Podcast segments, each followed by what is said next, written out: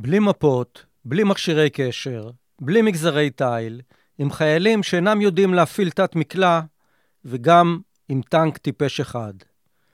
כך יצא הצבא הסורי ב-1948 למערכה, בקרב החשוב ביותר עבור שני הצדדים. הקרב על הדגניות בעמק הירדן, שהפך לאחד המיתוסים הבולטים של מלחמת העצמאות בזיכרון הישראלי.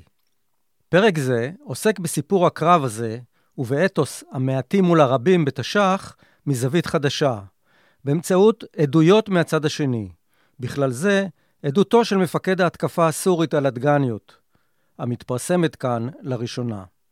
יציג אותה אורחנו, המזרחן יצחק איני עבדי, שגם ינתח את מהלכי המלחמה ואת כוונות הצד הערבי בדרך לא שגרתית, בהסתמך על מקורות ראשוניים מהצד הערבי. המחלוקת על יחסי הכוחות בין לוחמי היישוב היהודי לבין הכוחות הערביים שפלשו לארץ ב-1948 נידונה כאן בהרחבה בפרקים 29 ו-40. אך היא נמשכת עד כי נדמה שמחזיקי הגרסאות השונות אוחזים זה בגרונו של זה ומסרבים להרפות. עבדי, תושב דגניה א', זועם על הדרך שבה מרבית ההיסטוריונים הישראלים מספרים את סיפור הקרב על דגניה ואת סיפור המלחמה בכלל, בהתעלמות כמעט מוחלטת ממקורות ערביים. ביטוי בוטה לרעה החולה הזאת בעיניו, הוא ספר חדש על המלחמה בעמק הירדן, שכתב אסף אגין, בן דגניה ב', המציג עמדה הפוכה משלו, ורואה בקרב על דגניה עדות ניצחת למלחמת הגבורה של המעטים מול הרבים בתש"ח. אגין, שהיה אורחנו בפרק 40, הלך לעולמו לפני כשנה וחצי.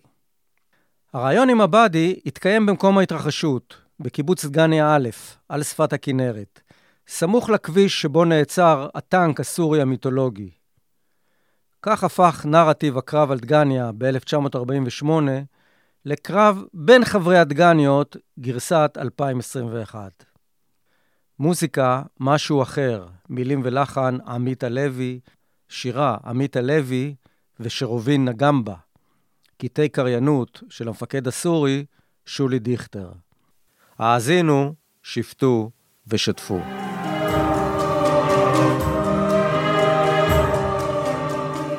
ברוכים הבאים לפודקאסט פרות קדושות, פרות קדושות, פרות קדושות, מיתוסים ישראליים עם יזהר באר. בפרק 57, הטנק בדגניה, ועכשיו גרסת המפקד הסורי.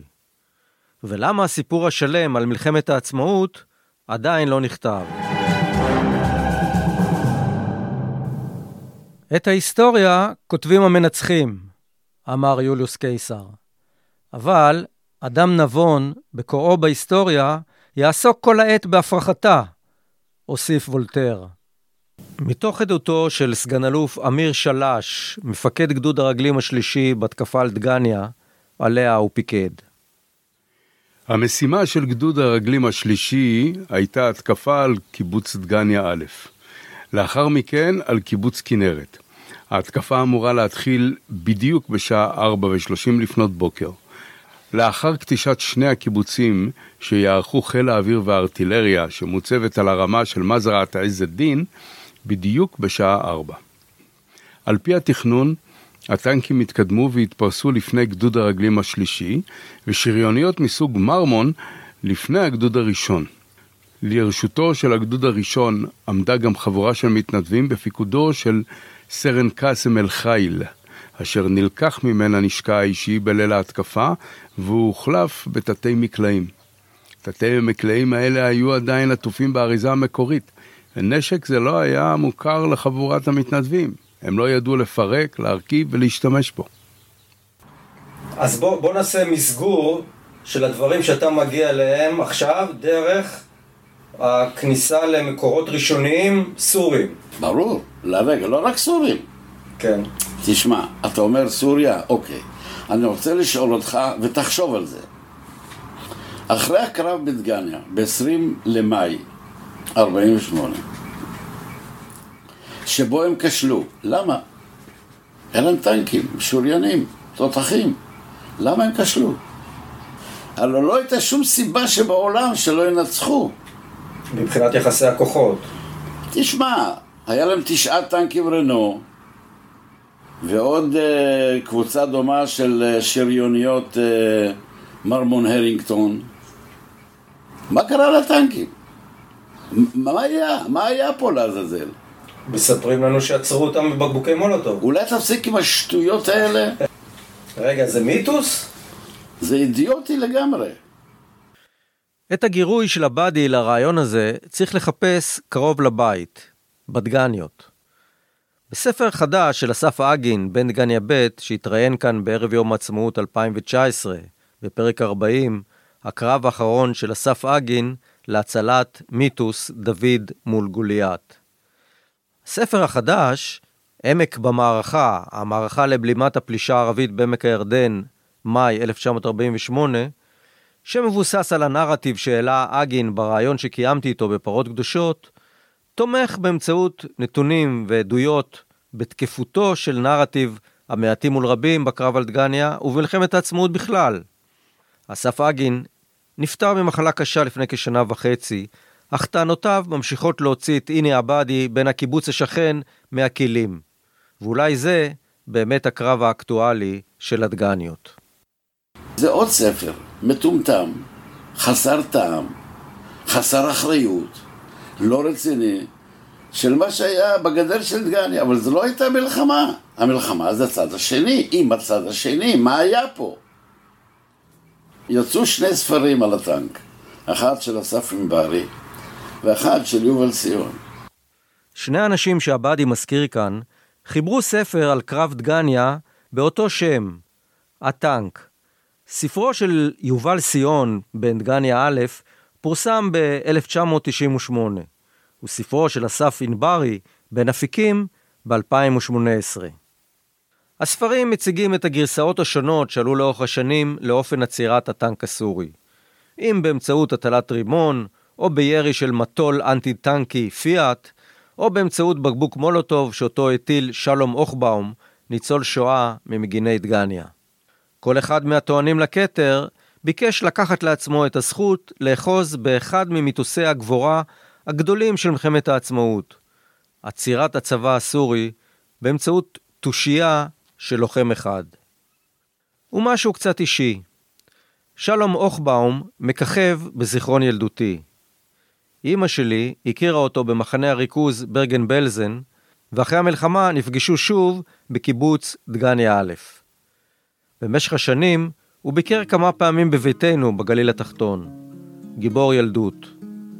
הוכבאום שלח יד בנפשו בשנת 1976. משהו אחר מתחיל לקרות, מרגישה את זה בוער, אולי קוראים לזה להשתנות, כמו צל ואור.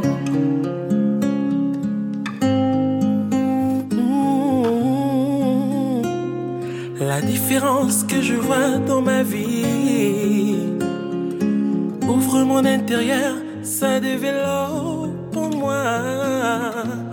Je me réjouis de ma fraîcheur, je me sens dans ma saison. שניהם אידיוטים גמורים. למה? כי הם בכלל לא חושבים, ואין להם חומר.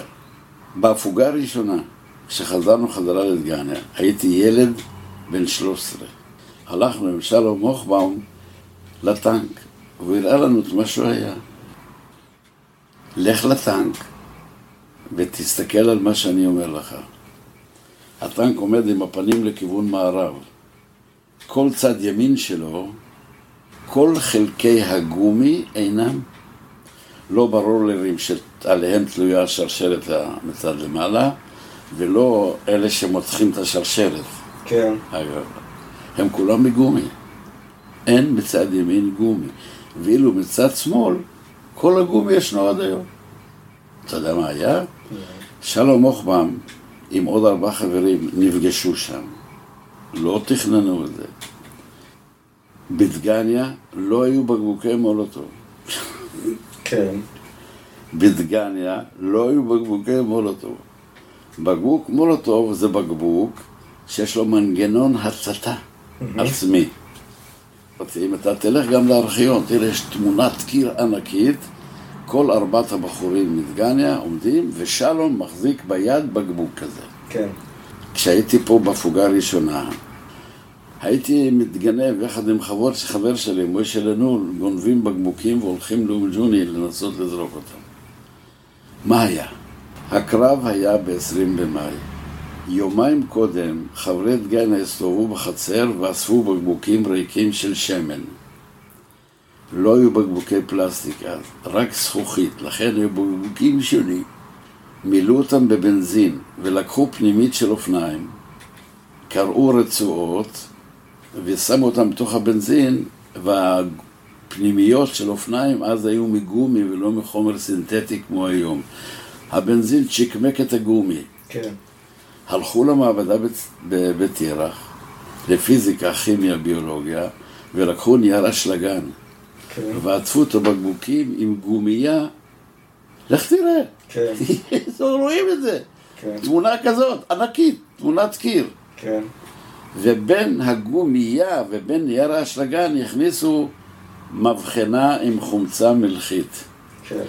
בהנחה שכאשר נזרוק את הבקבוק, הזכוכית של המבחנה היא זכוכית דקה, היא תיפחס, החומצה תשפך על הנייר, הנייר ידלק, הבקבוק יישבר והבנזין יישפך על הנייר הבוער וככה... ושום דבר מזה לא קרה. אבל הבקבוק הזה לא הבין את הוראות ההפעלה.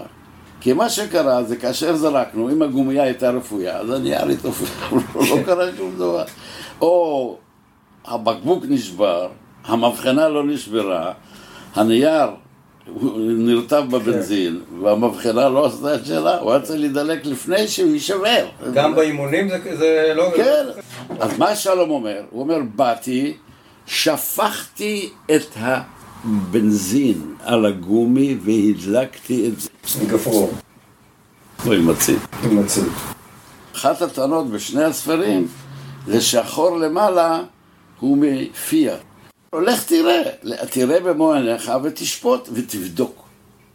למה מצד שמאל כל הגומי קיים עד היום, אוקיי. ובצד ימין אין זכר לגומי, לא- אפילו לא, לא רולר אחד. אז מה, מה, מה שהוא עשה, הוא ניגש לטנק, שפך את הבנזין על הגומי! על הגומי והד- והדליק עם מצית. והדליק, אוקיי. ואז הטנק נדלק.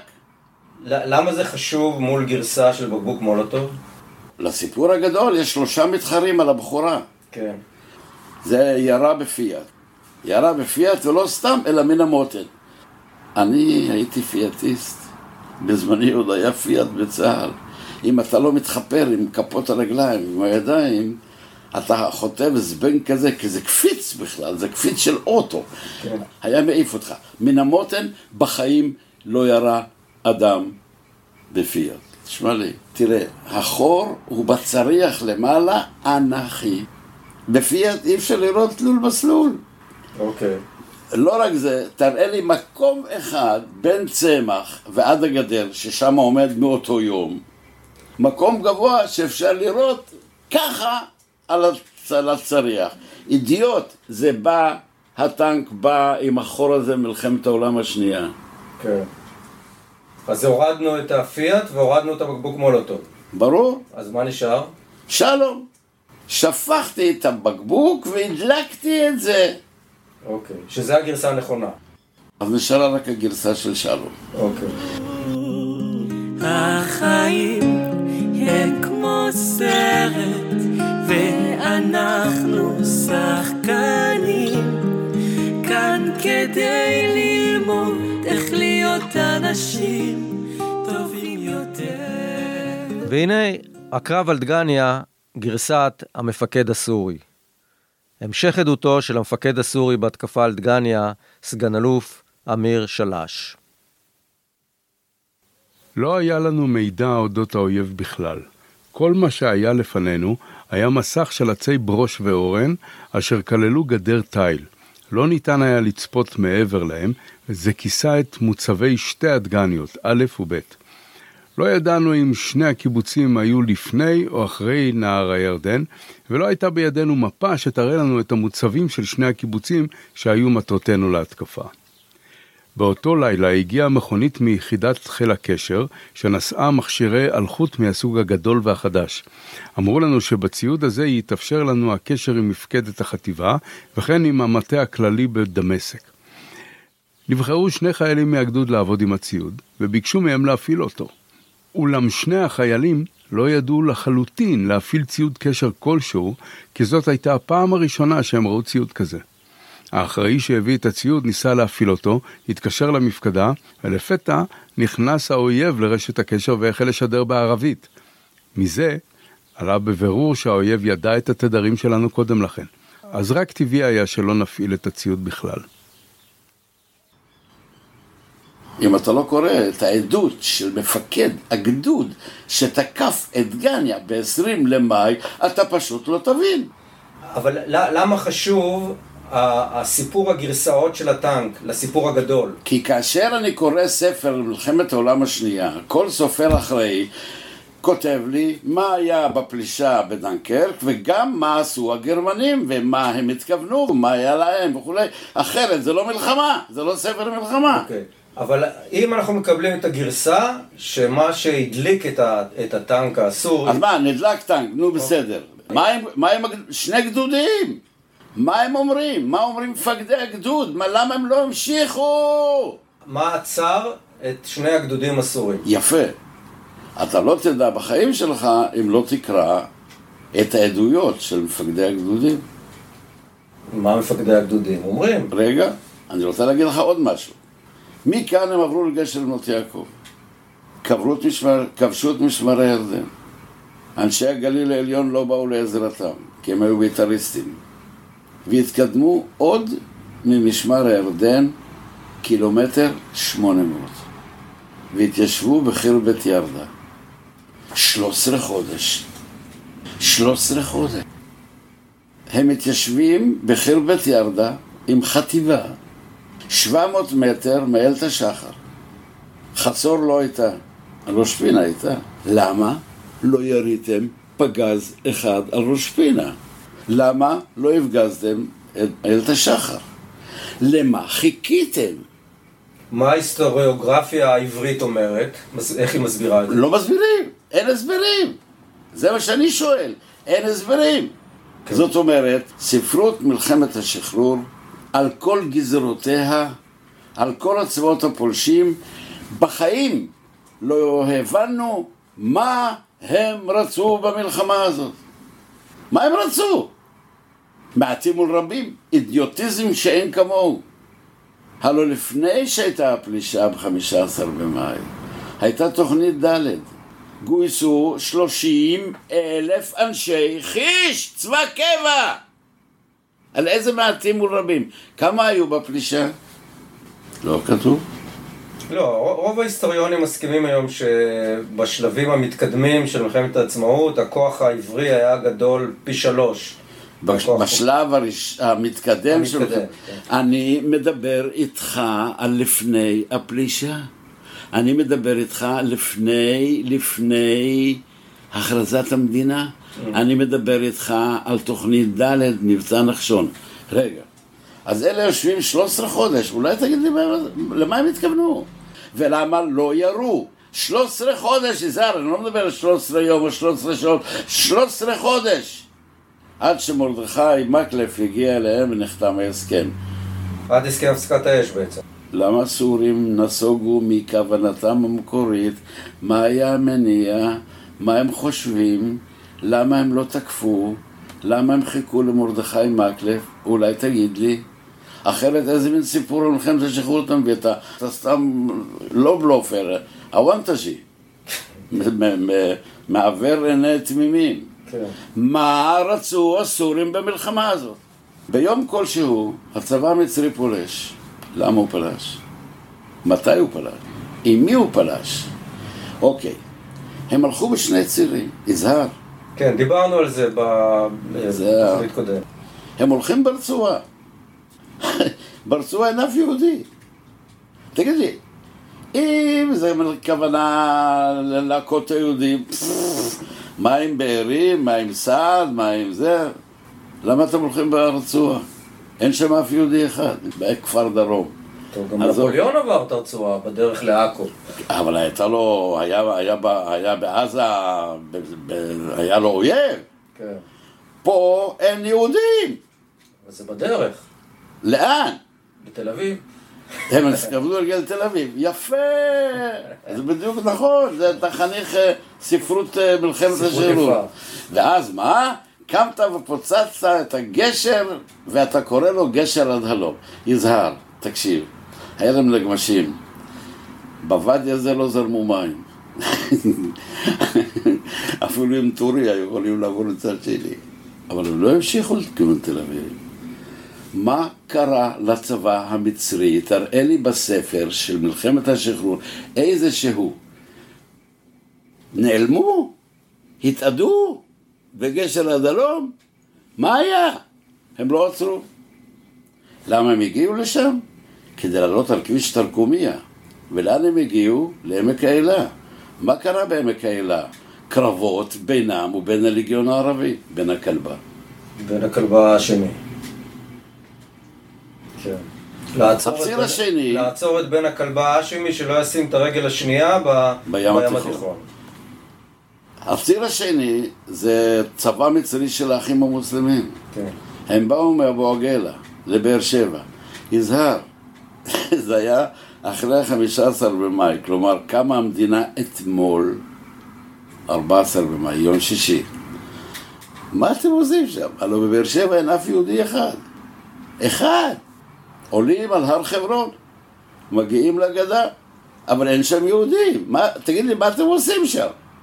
עוברים ליד רמת רחל, לא תוקפים את רמת רחל.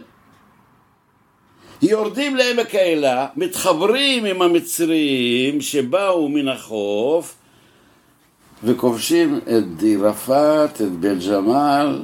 מה אתה אומר? ממי? מידיים של הליגיון. אה, ומה עם הצבא העיראקי? הלוא זה שני אחים. מה עם בריטניה? מה הייתה הכוונה? תכתבו מחדש את קורות מלחמת השחרור. פשוט זה אה, דבר מטומטם, זה כבר 70 שנה. אבל לסורים אין עניינים עם עבדאללה. ההפך! מה הסורים רצו? כשהם עשו את התנועה הזאת, זו הייתה מטרתם. לעצור את הבית ההאשמי עם בריטניה. ירדן מאז 1922, מלך אמיר, מלך אמיר, מלך וסל בריטי, שחי בתקציב הממלכה הבריטית. עיראק, מאז 1922, פייסל, מלך וסל בריטי. איראן, פרוטקטורט בריטי. אי אפשר לעבור את הדבר הזה מאירופה למזרח הרחוק בלי לשלם מס לבריטניה. ואז אני אקח ממך מס כזה שלא יהיה כדאי לקנות את הסחורה שלך. ויקנו סחורה בריטית כי אוניות בריטיות לא צריכות לשלם מס לבריטניה. ואני שומר על המונופול ועל המכירה שהביאה להתעשרות שלי, אני, בריטניה. בריטניה, שרצתה להגן על היתרון שלה, מחיה מחדש את הרעיון של סוריה הגדולה, תחת כתר הבית ההאשמי. צבא מצרים עד הפלישה ב-48 לא ירה כדור אחד באימונים. אליעזר ואלי, השלטון והקצונה בעולם הערבי. נחזור חזרה לסוריה. מה הם רצו? הם לפני שהם תקפו את דגניה, הם היו בלבנון, בבן ג'בל. כן, מה הם רצו בבן ג'בל? להגיע לצפת. כן. למה לצפת? משם לעכו. ולספח את צפון הארץ כספר לדמשק שנמצאת על הגבול של הבית ההאשמי. בת כמה היא? שנתיים ורבע. הם יאכלו אותה כמו עד ארוחת בוקר. כן. בתוכניות. ברור. אז מה צריך לעשות? להשתלט על צפון הארץ, כן. מ... התיאבון בא להם כשהם היו בבן ג'בל. וב-15 במאי, ביום הקמת המדינה, ביום שבת, הם הגיעו לתל קציר. אוקיי. כשאני קורא את העדויות, אני מבין, אני פשוט מבין. מה מה אתה מבין? אני, מפקד הגדוד הסורי לא יספר לך על האינטרסים הגלובליים של סוריה. לא, ועל... אבל אני אגיד לך כמה דברים. שהוא מעיד בפני כן. האקדמיה לביטחון לאומי. כן. הם סך הכל היו שלוש פלוגות של חמישים איש כל אחת. כן. ומפקדה של הגדוד שמנתה שלושים איש נוספים. כן. ההחלטה לתקוף את גני על ידי הגדוד השלישי נפלה על ידי מפקד החטיבה שקרא למפקדי שלושת הגדודים לפגישה בקאמפ. איפה זה הקאמפ? איפה? מחנה חיל הספר במעגן, היום מעגן. ליד קו עידן. זה קו עידן. מה זה קו עידן? קו מז'ינו המקומי. קו שהבריטים, קו הביצורים הבריטים. למה על שם עידן? הוא היה קצין מצטיין ב... בצבא הבריטי. כן. במלחמת העולם השנייה ולאחריה היה שר החוץ. כן, אבל, אבל מה, מה ההקשר, ההקשר המקומי שלו פה? הרעיון שלו להקים את, על שמו. כאשר ובזמן מלחמת העולם השנייה גרמניה הנאצית כבשה את סוריה ולבנון והשליטה בו את שלטון וישי היה חשש שגרמנים יתקפו את ארץ ישראל בנקודה הזאת. הגרמנים ינצלו את זה שהם יכולים לרדת מדרום הגולן ולכבוא על הירמוק. איפה, איפה, איפה אה, הקו נמתח? על הגבעה שנקראת גבעת ההתיישבות, הנקודה הגבוהה ביותר בתל קציר. בנו עמדות בטון מבוטנות עם גג, כלומר נגד הרשע, ובית חולים תת-קרקעי. בשוליים הצפוניים של התל בנו מוצב, בטון, אל מול עין גב, האון, לא הייתה. כן. חפרו תעלה אנטי-טנקית מהקרנטינה החדשה עד לירמוק, שלא יוכלו להיכנס. אני הייתי צד חזירים בתעלה הזאת. הייתה תעלה אנטי-טנקית שתמיד היה במים, אז החזירים שם עשו חיים. הקו הזה קיים עד היום? חלקו בוודאי. למה לא שמענו עליו? אתה, כי אתה בור ועם הארץ, אתה אומר. אני חפרתי בו ודשתי בו, הייתי צד חזירים שם בלילה. אוקיי. הגדוד שתקף את גניה, הגיע דרך קו עידן? הוא ירד מעמרת עז א-דין, השאירו שם את התותחים, סולות התותחים של 170 מילימטר, והם ירדו למטה, מפקדת החטיבה התמגמה בתל קציר. בשעה ארבע אחרי הצהריים, לפי הוראת המח"ט, שלושת הגדודים נפגשים בקאמפ, ושם ניתנה פקודת המבצע. אתה, מפקד הגדוד השלישי, אתה תתקוף את גניה א', אתה, מפקד הגדוד הראשון, תתקוף את גניה ב', יעמדו לרשותכם אה, טנקים, ולרשות הכוח השני שיתקוף את גניה ב', נגמשים, הרינגטון, מרמון הרינגטון.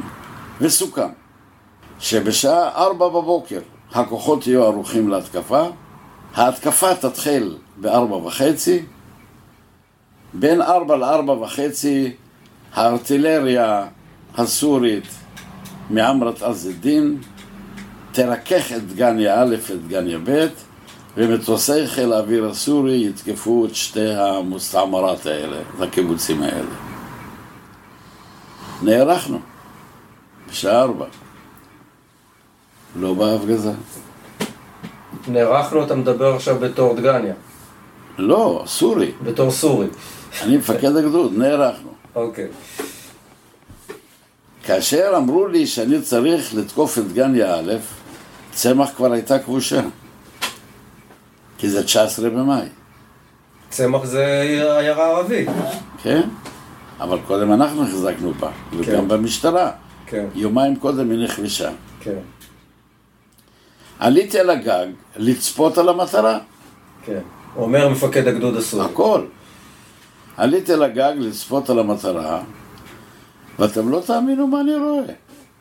אין קיבוץ. מסך של עצי ברושים ואורן, ראיתי לפניהם גדר תיל. מה ההסבר שלו לכך, לפנומן? לא ראה, באמת לא רואים. הוא חשב שהוא הולך לתקוף את הקיבוץ, בתים שיראו מהחלונות, כרגע, כמקובל. כן. בסדר. הוא לא רואה קיבוץ. הוא אומר, אני לא יודע, לא הצלחתי להבחין אם הנהר לפני זה או אחרי זה. עם נהר הירדן. ואני רוצה להגיד לכם, בעדות שלי, לא הייתה לנו מפה של עמק הירדן. אני חיכיתי לרשע, לא בא. למה? כי התברר לי שבלילה שר ההגנה שרבתי נתן הוראה לקצר טווח, לרדת מעברת עז א-דין לתל קציר עם התותחים. ירדו, אבל מה, בא מישהו ואמר, תשמעו, יש קומנדו יהודי בעין גב, הם יתקפו אתכם. אז החזירו את התותחים חזרה לעמרת עז א-דין. לא הייתה הרשע כי... כי, כי הם היו עסוקים עסוקים בלהחזיר, בלעבור. החזירו את התותחים חזרה מפחד כן. מהקומנדו היהודי, שיש חנה בעין גב, איזה קומנדו יהודי? לא היה קומנדו. ואז בתשע התחילה הרשע. חיל האוויר לא הופיע, לא בארבע ולא בתשע. אז התותחים בסוף כן יורים? אה, אה, בתשע בבוקר, אחרי שהם הגיעו חזרה לעמרת עז ירו, כן. אבל חיל האוויר לא הופיע. אז מפקד החטיבה שיושב בתל קציר, יש לידו קצין עיראקי שבא לשמור עליהם, ואמרו לו, תנו אתם סיוע אווירי. שלחו מטוס. ש- עיראקי? עיראקי, שהשליך קרוזים, יש לי קרוז מקורי. ואני כל הזמן הייתי בטוח שזה מטוס סורי. זה קרוז שיש בו שלוש עמודות, ערבית נהדרת, עברית דפוקה וגרמנית נהדרת. למי מיועד הנוסח הגרמני? זרקו אותו מעל דגניה, והציעו לי... ליקים? במיוחד ליקים או מה? לא, כתוב גם בערבית, בעברית, ואני הייתי בטוח כל החיים שזה אחד מהרבנים בדמשק תרגם את הקרוז מערבית לעברית, משהו מאגדה, התרגום. לישון קודש? אבל עכשיו אני יודע שזה לא חכם הלכה אה, סורי, אלא בגדד. אלא עיראקי.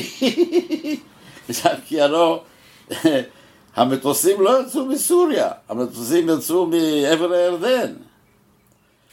אז היה להם את הקרוזים שלהם. כן. אז במקום פצצות זרקו על דגניה קרוזים. בתשע... מה ב- כתוב בכרוזים? שאנחנו אין לנו שום דבר נגדכם, הציונים אשמים, ותתעזבו את הציונים, בואו נחזור חזרה להיות uh, חברים כמו שהיינו ב... אה, לא לעזוב? לא... לא, תצטרפו אלינו, אה, אנחנו, אוקיי, אל יהודי עיראק, אל יהודי סוריה, עוד לא הייתה עלייה, כן. כי זה 52, תקשיב, זה מדהים. תשמע מה שהיה, הוא אומר. כמו שאנחנו מתחילים להתקדם, ועל פי התוכנית הטנקים צריכים להתפרס לפניי, הטנקים התקלקלו, ונשארו רק שלושה מתשעה. זה היה כל חילה, כל השריון הסורי. כן? ואז אה, אין לנו חיפוי של, של שריון שהיה צריך ללכת לפנינו, רק שלושה נשארו. כן. באמת השלושה שהגיעו אלינו. אז את הראשון שלום שפך על הצמיד. לא, חכה רגע, הוא מתאר בדיוק, הוא- לא צריך בכלל את העדויות של אה, ענברי וכל המטומטמים האלה, ממש מטומטמים, התפרסו. בתשע, במקום בארבע וחצי, מתחילים את ההתקפה בתשע. ותשמע, הייתה אש איומה. אש נגדית, מדגניה. איומה. עכשיו, אני יודע מה היה פה, לא היה פה כלום. כי בחפירות בדגניה לא היו רק אנשי דגניה, זה יהיה נורא להגיד. היו מדגניה ב', מכנרת המושבה, מכנרת הקבוצה, מאפיקים. המפקד היה איש אפיקים, לא דגניה. אבל אני יודע מה היה להם. בדיוק אני יודע. 20 רובי מרק פור בריטים, 20 רובי קרבינות צרפתיות, הכל ממלחמת העולם השנייה, עשרה אקדחים ורובי ציד. זהו? זה מה שהיה. אבל היו תותחים בפוריה, לא? אולי תשיג. הנפוליאונשיקים הציעו לנו שנקבל אותם. אבל לא רצינו, זה לא שייך לקרב בדגנה, לא רצינו להכניס אלמנט זר. כן. איזה, בכלל, הם היו מנותקים לגמרי, לא היה אמן, לא היה מודיעין לצה"ל, כי שי התפרק. המחלקות הערביות כן. וכל זה התפרקו במסגרת השי. כן. לא היה מודיעין, כלום. כן. אבל מאז יש חומרים להיסטוריונים, כבר לא לוחמים, ההיסטוריונים, כן. אף אחד לא קרא. שמע ממני, אף אחד לא קרא. אתה מבין, אתה מדבר על החומרים של הצד השני. ברור. של הערבי. אחרת המלחמה היא אף פעם לא עם צד אחד, תמיד יש לפחות שני צדדים, אם לא יותר. כן. אז צריך לראות מה הכוונות, כן. ומה הם אומרים. התחילה אש תופת, ועברנו בשטח כן. ממגננה, מהתקפה למגננה. אוקיי. שבמה מתבטאת המגננה? יושבים, מתחפרים. והוא אומר, אני רוצה להגיד לכם עוד משהו. היה בנוסף לגדוד גם כוח לא מאורגן, גר תנזימי, מתנדבים, שהיה להם מפקד, אני יודע את שמו. לקחו מהם את הנשק בערב ונתנו להם תתי בקלעים חדשים. אף אחד לא ידע לפרק, אף אחד לא ידע להשתמש, עובדה. אבל רגע, אם כבר מדברים על ערב קודם, אני רוצה לספר לכם עוד משהו. הגיעה משאית מחיל הקשר בדמשק עם מכשירי קשר. לא היה לנו מכשירי קשר. לא ידעו לתפעל אותם. האיש שהביא אותם ביקש שני חיילים מהגדוד שלי, נתתי לו שני חיילים, ניסה ללמד אותם איך מפעילים את המכשירים. אתם תוכלו להתקשר גם למפקדת החטיבה וגם למטה הכללי בדמשק, בסדר? תוך כדי זה שאנחנו מסתכלים על הפלא הזה, שמענו את היהודים בדגניה נכנסים לקשר ומדברים ערבית. הבנו שהמכשירים האלה פסולים, אז סגרנו, לא ידענו להפעיל אותם. ומי היו הדוברים? הוא המציא את זה או מה? אני לא יודע, או שהמציא את זה, או. שמישהו, אתה יודע, שנקלט, ואני לא, לא יודע מאיפה. אבל כתוב, שחור גבי לבן. בתשע בבוקר אנחנו מתחילים להתקיף, ואז אנחנו נכנסים לעמדות התחפרות, כי הייתה אש תופת. אש תופת. הטנק של בדגניה בא דרך הכביש. ראה ששער 60 פתוח, הוא אמר זה מלכודת. הוא לא נכנס. הוא הלך הצידה, אבל לא תאמינו. מפה לא הייתה לנו, ואיפה הירדן עובר לפני דגניה או אחרי דגניה, לא ידעתי. אבל אני רוצה להגיד לכם עוד משהו. גילינו שדגניה יושבת בקו עידן. המג"ד הזה, כמו כל החטיבה הזאת, בחיים שלהם לא תרגלו התקפה על יעד מבוצר, בחיים לא תרגלו. הוא היה בטוח שקו עידן הוא בכלל קילומטרים אה, מזרחה. מה, מה, דגניה בקו עידן? זה ממש משהו. תעלות מבוצרות. לא סתם. רצינו לעבור את הגדר. לא יכולנו לעבור את הגדר. אתה יודע למה? כי לקחו מאיתנו את מגזרי התיל. מי לקח? לקחו מהם, לפני ההתקפה, לקחו מהם את מגזרי התיל. לא היה להם מספרי תיל, לא היה להם קשר. הטנקים לא נסעו, רק שלושה מתוך תשעה. השלושה שנסעו הגיעו שלושתם לגדר? כן, אז אחד, אחד נפגע על ידי שלום, מה עם השניים האחרים? לקחו אותם באותו יום בצומת פה, בכניסה לדגניה, הם ירדו מהשרשרת. רגע, השלושה ש... שהיו תקינים, אחד נשרף, אחד נשרף על ידי שלום. שניים נלקחו לידי חיל חימוש. אבל למה הם נעצרו? נפלו מהשרשרת, אה, נפלה להם השלושה, זאת אומרת, שני התקינים הנוספים, האחרונים. הם עבדו, כן, המנוע עבד, כן. עזבו וברחו. אוקיי. החיים הם כמו סרט בו אנחנו מגלים שיש גם הפתעות ושהכל יכול להיגמר. המשך עדותו של המפקד הסורי בהתקפה על דגניה, סגן אלוף אמיר שלש. אחרי זה נשלחו הפלוגות אל מול המטרה המתוכננת תחת חיפוי, שמורכב מקלעי הגדוד שהתמקמו על גג המשטרה הבריטית. ואז הטנקים זזו אל לפני הרגלים. כעבור זמן קצר לאחר התזוזה של הטנקים, הושבתו מרביתם ונשארו על מקומם. כאשר הגיעו הרגלים אל מסך העצים שמנע את התצפית לקיבוצים, הם מצאו גדרות תיל קוצניים סבוכים ועבים המונעים את המשך ההתקדמות. מאחר ונלקחו מהגדוד מכשירים להתגבר על בעיות כמו מגזרי תיל, לא הייתה בידינו כל דרך למנוע את העצירה.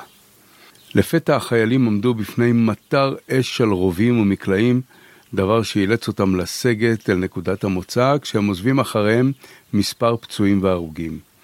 ואכן, התברר לאחר מכן שהיהודים היו מוצבים על קו עידן, אשר בנה הצבא הבריטי במהלך מלחמת העולם השנייה, כדי למנוע מהגרמנים להשתלט על אזור זה. כך התחלנו לספוג אבדות. תראה עדותו של מפקד הגדוד. ממשיך הסיפור, ממשיכה העדות. כן. הוא אומר, נסוגנו חזרה. ומפקדת הגדוד הייתה מאחורי בית הספר של צמח בשטח הפתוח. כן. אתם לא יודעים מה קרה. מה קרה? הוא אומר, הייתה הרעשה של מרגמות. אתם לא מתארים לכם. הייתה מרגמה 181 אחת. אליעזר שלו היה מפעיל שלה, יחד עם דוקטור שפירא, הרעשת מרגמות, ופגז נפל במפקדת הגדוד. החיילים ואני ועוד קצין נפצענו. הרופא, יש לנו את השמות של כל הרופאים והאלונקאים, הכל. נו, זה תעודה ניצ- ניצול. יעיל מאוד של מרגמה. כן? אחת. אז בא מפקד הארטיל... השריון וראה את מצבנו, פרוסים על האדמה, מוכים על ידי המרגמות. איזה מרגמות? הייתה מרגמה אחת, 180, אה, 81 מילימטר. איפה, בקיבוץ? ליד בית הקברות היא הייתה מוצבת. אליעזר שלו, בן דגניה הפעיל אותה. אז נפצענו. מגיע מפקד הכוח של השריון וראה את מצבנו, הביא נגמשים, אלה שהיו צריכים להתקיף את דגניה ב' והגן עלינו הגנה היקפית.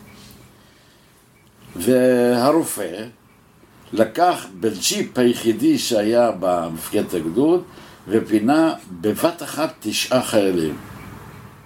נשארנו שניים, אני ועוד הקצין מהגדוד. בנגלה השנייה לקחו אותי ואת הקצין והובילו אותנו, הוא כותב מפקדי הפלוגות מי נהרג, מי לא נהרג. לקחו אותנו למרפ... לתאגד שהיה בתחנת הרכבת באלחמה, שם היו אזרחים, אחים, חובשים, אזרחים, חבשו אותי והגעתי לבית החולים הצבאי בדמשק. והנה אני מעיד. אתה מבין מה היה פה? זה, עכשיו אני מבין, למה הם לא המשיכו. אבל הם כן עברו ביוני לחרבת ירדה. למה שם לא המשיכו? כן. למה? זו שאלה שלא נבדקה בכלל על ידי ההיסטוריונים העבריים? בחיים. אתה יודע מה, אני רוצה שתבדוק. אני אבדוק את זה. בטוח שתבדוק. אז בדקתי. ראו בסוף הפרק איך מספרים סיפור מורכב על מלחמה. אז, אבל אני רוצה להבין, מתוך מה שאתה אומר, האם יש קשר הכרחי בין העצירה של הגדודים הסורים בתל ירדה, שיכול להיות שאחרי הקרב הכושל על הדגניות, הם ראו שאין להם צבא, אז למה התכתשתם על משמר הירדן וכבשתם אותה? למה המשכתם? אז למה לא המשכתם? אם באתם, למה לא המשכתם? איך, איך, איך הם אה, הצליחו להמש, להמשיך אם אין טנקים ואין אה, מה שקרה בדגניה, שזה... אז למה אתם אה, מתאמצים על כיבוש משמר הירדן? אם כבר את אולי הם הלקחים, את הכוח. אז למה אתם יושבים שם? מה, ש... מה היה השינוי בהתכוונויות שלכם? אם אתה לא מתאר לי את מה שקורה בצד השני, אינני יכול לראות את, ה... את האירוע. מלחמה היא תמיד בין שני צדדים. למה לא המשכתם? מה קרה בדרך? מה הביא אתכם לחכות למקלב? מה שיניתם בתכנון האסטרטגי שלכם? מה עם, הבית, מה, עם הבית, מה עם הבית ההאשמי? מה עם בריטניה? לא, לא, אחרת אין מלחמה. העדות שלו מסבירה. מה היה קורה אם הם היו כובשים את דגניה? אתם לא היו ממשיכים הם הלאה? ממשיכים, כתוב בפירוש, בפקודת המבצע ממשיכים לכיוון כנרת, הוא לא אומר איזה. זאת הצופה על הדרך לטבריה, שתיהן צופות על הדרך לטבריה. אז היא קיימת אסטרטגיה של התקדמות. נכון, התקדמות מתי? בכיבוש. ב-20 במאי. אוקיי. ומה קרה אחרי זה? אחרי? ל- למה שהאסטרטגיה תשתנה? הם קיבלו דיווח על מה שישראל קיבלה בעסקת הנשק הצ'כית. אז מה שאתה אומר שהם עצרו בגלל... רגע, ב', האיום ההאשמי לא יושם בגלל ברית המועצות וארצות הברית ששמו רגל לבריטניה. למה התכוון, למה התכוון, למה התכוון עבדאללה, אני כבר שם? חשבת פעם, יזהר? מה זה אני כבר שם? מה היה ביום הקמת המדינה ביחסים שבינינו הצבאיים ובין ירדן ועיראק? תסתכל, בגדה המערבית לא היה מאחז עברי אחד ביום הקמת המדינה. גוש עציון נפל לפני הקמת המדינה. הר טוב נפלה לפני הקמת המדינה. בית הערבה נפלה לפני הקמת המדינה. המושבות שמצפון לירושלים, נווה יעקב, קלנדיה, זה לפני הקמת המדינה. אז מה היה? ואדי ערה, מה המרחק משם עד לים? הוא באמת עוד רגע שם את רגלו שנייה בים התיכון. תקשיב, זה כי זה שבוע לפני הפלישה, הוועידה הזאת, ועידת דמשק ובלודן. וכל השבוע הזה היה בלאגן כזה אצלם בצבא המצרי. תבדוק מתי הצבא המצרי פלש, לאחר שנודע לו על הבית ההאשמי בניצוח בריטניה. הם אומרים את זה, תקרא אותם, אחרת אתה לא מבין כלום במלחמה. שואה, זה פשוט נורא. ככה כותבים את קורות מלחמת העצמאות. תגיד, אבל בכל זאת, אתה בן דגניה. אתה לוקל פטריוט, אמור להיות של דגניה. אתה אה, בעצם מספר סיפור קצת אחר. למה זה סותר את, ה- את הסיפור הקלאסי של, של גבורת המעטים מול הרבים? עוד פעם אחת, זה אידיוטי כי לא היינו מעטים מול רבים, זה אידיוטי! כי כאשר אני קורא כמה חיילים מצרים פלשו וכמה חיילים סורים, לא היינו מעטים מול רבים, רגע. די כבר! רגע, אבל לפני שאתה צועק עליי, בוא. נדבר על דגניה. כן. דגניה, כן. אתה אמרת לפני רגע שהיה לנו ככה וככה נכון. רובים ואקדחים, כן זה לא. מעטים? למה? כי המחלקה של הפלמ"ח וגולני ברחו. לא משנה, אבל, אבל בשורה התחתונה זה נכון. מעטים. זה נכון. אז, אז למה אתה... לא כי המעטים ניצחו בגלל רוח הגבורה שלהם, אלא האויב היה חרא שבחרא. אז אולי זה מעטים מול רבים שהם חרא שבחרא. נכון, אז אין אבל בשביל לכתוב. את המילה חרא שבחרא, צריך לכתוב למה הם חרא שבחרא. את זה לא כתב אף אחד. זה, זה, זה מה שמוציא אותי מן הכלים. עכשיו תגיד לי, למה לא עשית את זה קודם? למה? שנים. חשבתי באחד מחגי יום העצמאות, לא לדגניה, אלא למשפחה שלי, ואנחנו פה שבט גדול. ולא הייתה לי הזדמנות, כי ראיתי שאף פעם זה לא מתאים. אבל היום, כשהיה גירוי שעומדים להוציא עוד ספר מטומטם על מלחמת השחרור, אבל מבחינת צד א', הוא היה באיום קיומי, והוא נלחם על הבית, והוא הצליח, הוא הצליח לשרוף את איזה הטעם. יום קיומית? מה הייתה המטרה שלהם? בסדר. לכ- אתה אומר, לכבוש את לתקוף- דגניה ולהמשיך לכנרת.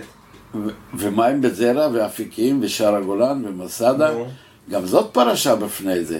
פרשת מסדה ושער הגולן. אתה יודע, אחד הדברים שהציקו לי כל החיים זה כאשר היינו ילדים וחזרנו חזרה לדגניה והלכנו לכ- לכיתה ה'.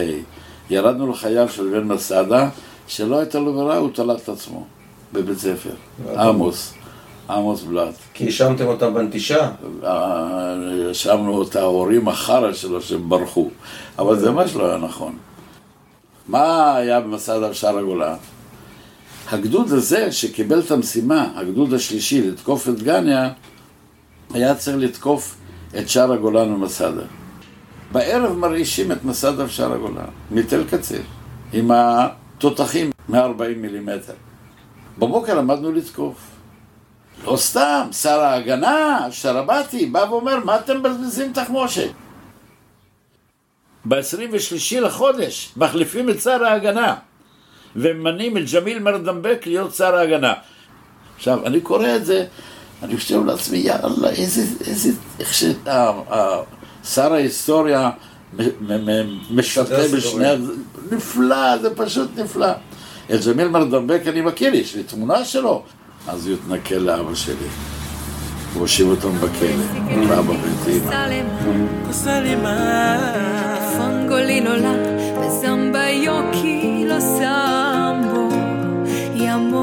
אמה. כאן יש לעצור ולספר. יצחק, איני עבאדי, נולד בסוריה בשנת 1934. בהיותו בן תשע, יצא עם אחותו, שמחה, בת שבע אז, למסע רגלי מדמשק לכנרת, כשהוא אוחז בידה.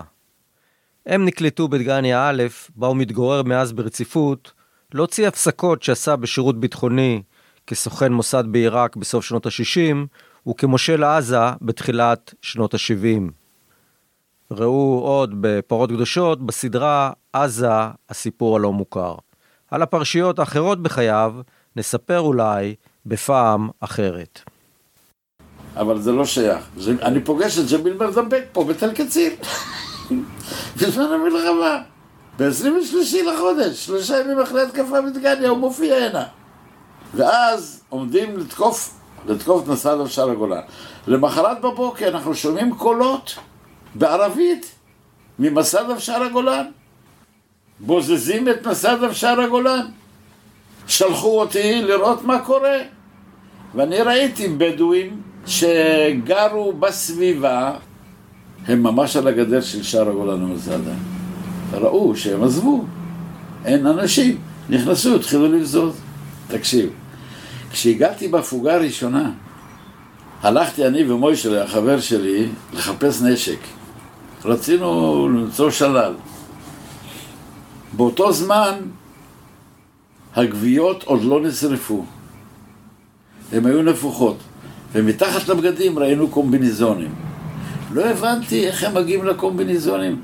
הגדוד הזה שתקף את גניה בא לשמור נגד הבזיזה של הבדואים שבזזו את מסד אבשר הגולן.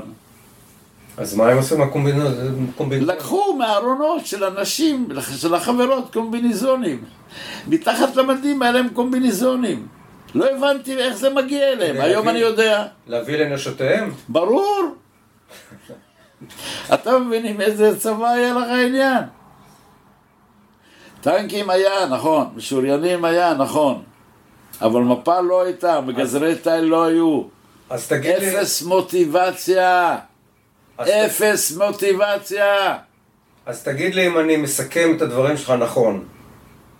בקרב על הדגניות, יחסי הכוחות היו כאלה שאכן היה רוב מספרי לצד התוקף וכלי רוב, אה, אה, רוב צבאי מספרי וכלי יחד עם זאת הרמה הצבאית של התוקפים הייתה אפס או קרוב לאפס מפקד הגדוד שואל איפה נמצא ירדן לפני דגניה או אחרי דגניה תגיד לי אתה אה, תקשיב אבל, אבל כל זה סותר את, ה, את התחושה הסובייקטיבית שהיה קרב גבורה מצד מגיני דגניה? נכון. נכון שהוא סותר? ברור. לא היה קרב גבורה? אה, אה, מילא, קרב גבורה זה כאשר בתוך החצר ש... הם לא ראו את דגניה. שבעצם אתה אומר שלא היה קרב בעצם על דגניה. לא היה קרב על דגניה. לא היה קרב על דגניה. טנק טיפש. התקרב. שהוא חשב שהוא נמצא בקו עידן והוא לא יודע מה עושים נגד תעלות. כן. היה, פחים, זה היו תעלות uh, כן. פחים. הוא לא יודע מה עושים. היה בטוח שהוא נכנס לקו הגנה בריטי. כן. אידיוטים גמורים! אבל, אבל שלום שניגש לטנק, תשמע, טנק זה מפחיד מול זה נכון.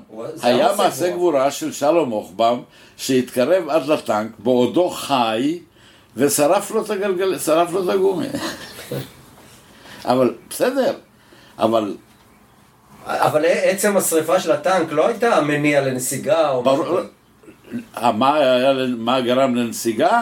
ההתחפרות שלהם בגין האש תופת שנורתה מקו עידן. גמורים. שהאש תופת הייתה יריות של רובים... אה, מה, היה? ורובי ציד. עכשיו, תגיד, בעצם למה זה חשוב איך שרפו את הטנק, אם, אם ב- שפכו בנזין או זרקו בקבוק? זה בכלל לא חשוב. זה לא חשוב. בוודאי שלא. זה לא, באמת לא חשוב. אבל, מורלית, הייתה לזה השפעה עצומה. ולא סתם. מורלית לסורים. או למגינים? לסורים. שהם ראו את האש כן, מהטנק? גם לדגניה, אבל בדגניה לא ידעו כמה הם חרות. למה הטנק, הם מחופרים פה איפה שהאספסט, איפה שהבננות עכשיו הייתה אספסת. כן. הם התחפרו פה עד אחרי הצהריים, והם ביקשו לסגת, לסגת, לא, מפקדת החטיבה לא ענתה להם. תשמע, היה פה ברדק מבחינתם, שזה פשוט לא יאומן. מה זה נקרא? לא היה לנו מגזרי תיל. מה זה נקרא חיל משלוח שבא לכבוש את צפון הארץ בלי מפה של דגניה? תגיד, אבל אם אה, היה מצב הפוך, ומגיני דגניה היו בורחים, אז הם היו כובשים את דגניה. היו ממשיכים, כן. כן. כמו שקרה עם מסעדה בשער הגולן. אנשי לא בשער לתת הגולן לא קרדיט? ברחו. הם העתיקו את מקום מושבם ממסעדה בשער הגולן לאפיקים, הם לא ברחו הבית.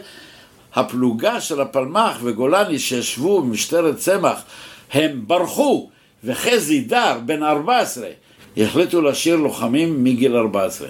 אז הוא היה בדרך עם בקבוק להודעה למפקדת הגוש שהייתה ב- בתרח. והוא קפץ לירדן בזמן שהטנקים היו פה בצומת. צלל והגיע לצד שני. בדרכו חזרה ראה את הבריחה.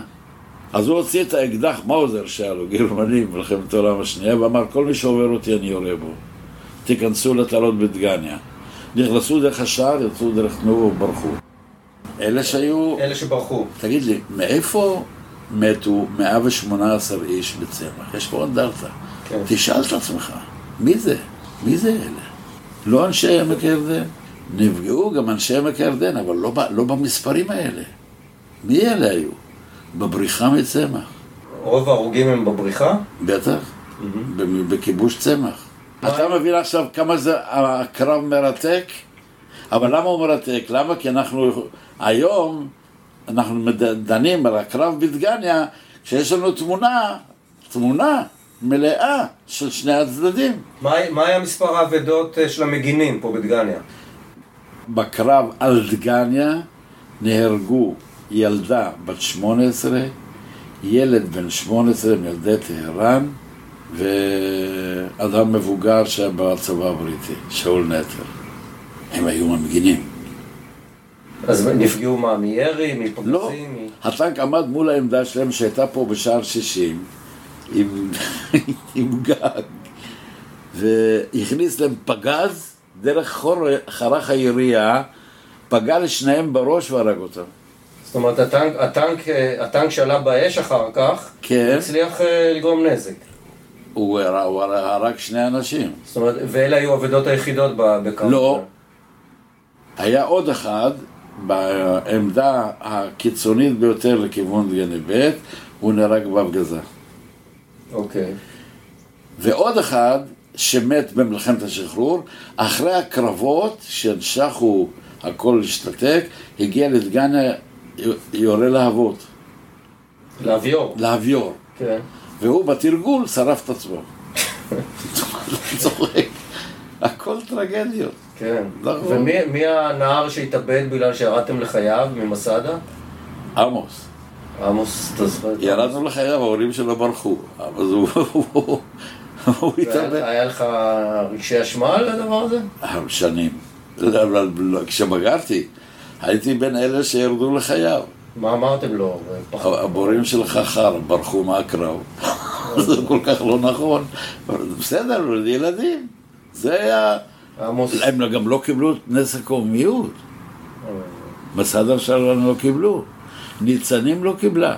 אחר כך, שנים אחרי זה, עשו להם טיהור וקיבלו את נס הקומיות.